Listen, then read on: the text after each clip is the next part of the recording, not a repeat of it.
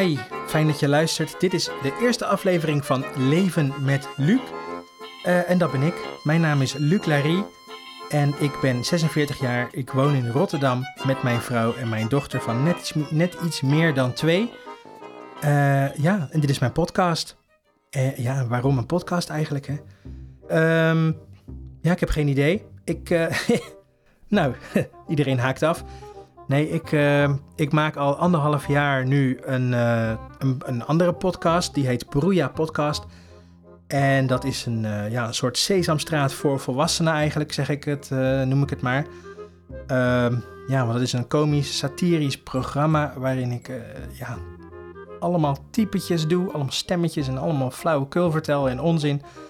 Uh, over de actualiteit en over films en games en uh, dingen uit mijn eigen leven, dingen uit iemand anders man, een andermans leven. En dat, uh, ja, daar maak ik dan een, een programma van ongeveer 15 tot 20 minuten van. En dat wordt, nou, ik moet zeggen, dat wordt best goed beluisterd. 500 keer per week inmiddels, dus dat, ja, dat is best leuk. alleen deze week helaas ja, kon het dus niet doorgaan. Uh, want ja, normaal, ik maak het programma op woensdag. Uh, hè, dat betekent dat ik, uh, ik, ik, ik, sta s ochtends op. En dan denk ik, oh ja, ik ga een programma maken.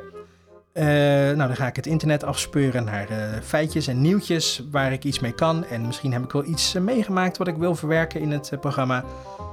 ja, dan heb ik een ochtend de tijd om het allemaal bij elkaar te vegen. Dan krabbel ik het allemaal op papier in, in bullet points.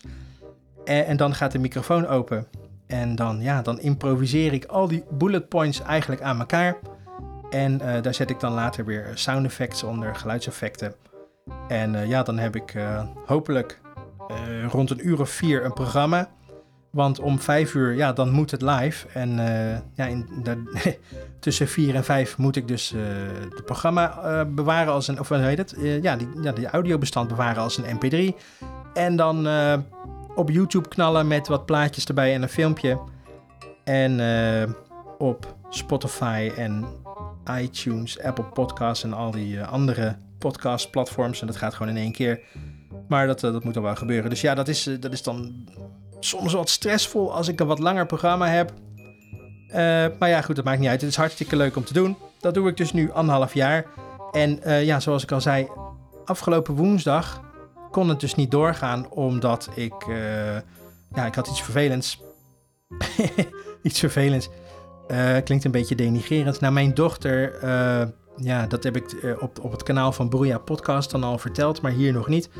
Mijn, mijn dochter is geboren met een afwijking aan haar, aan haar bekken. dat, dat heet heupluxatie.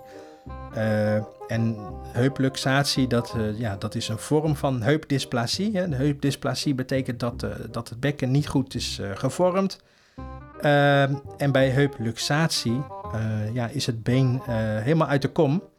En ja, zit het dus helemaal scheef in het lichaam. Dus de, de, bekken en, en het been sluiten dus niet op elkaar aan. En dat, ja, dat is heel vervelend natuurlijk. Dat is ja, vreselijk eigenlijk.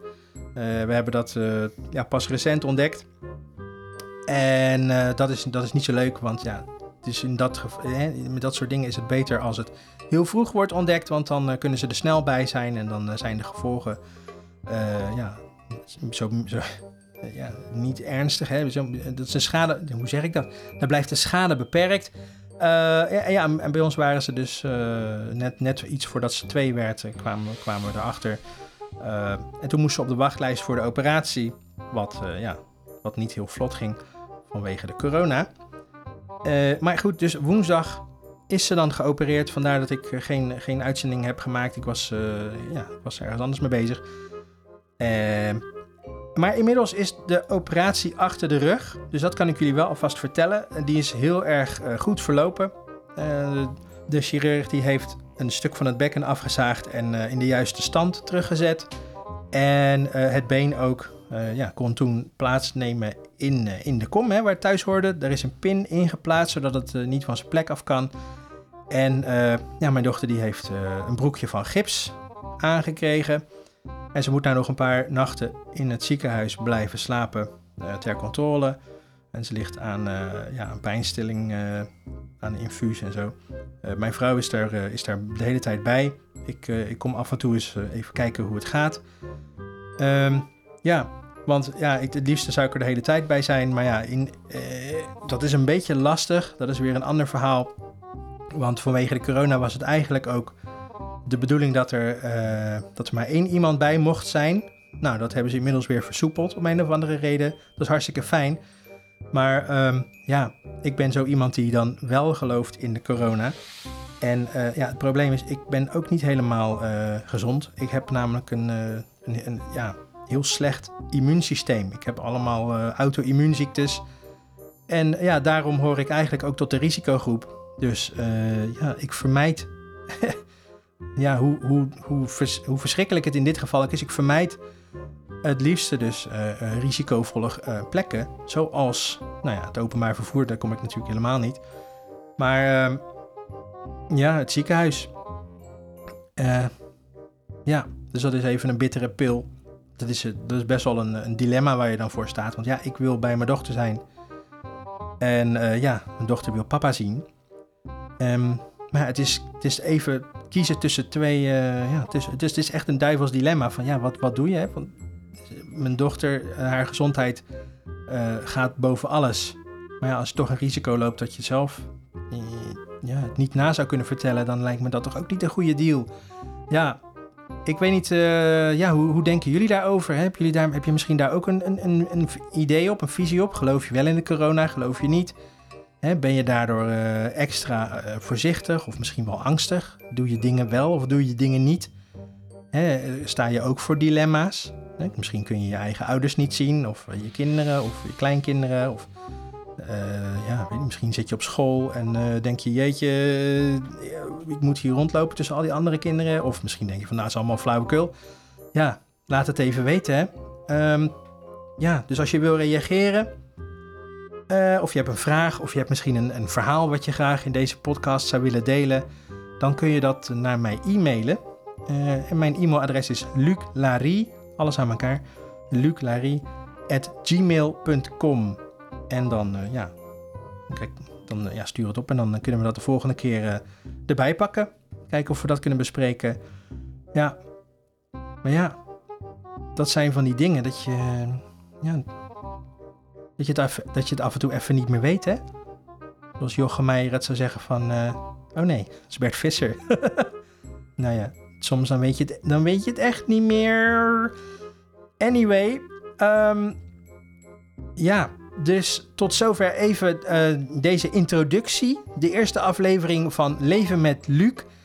Um, een klein beetje over mij. Uh, de volgende keer nog veel meer over mij en hopelijk ook een beetje over jou. Uh, ja, dus laat zeker weten van je horen.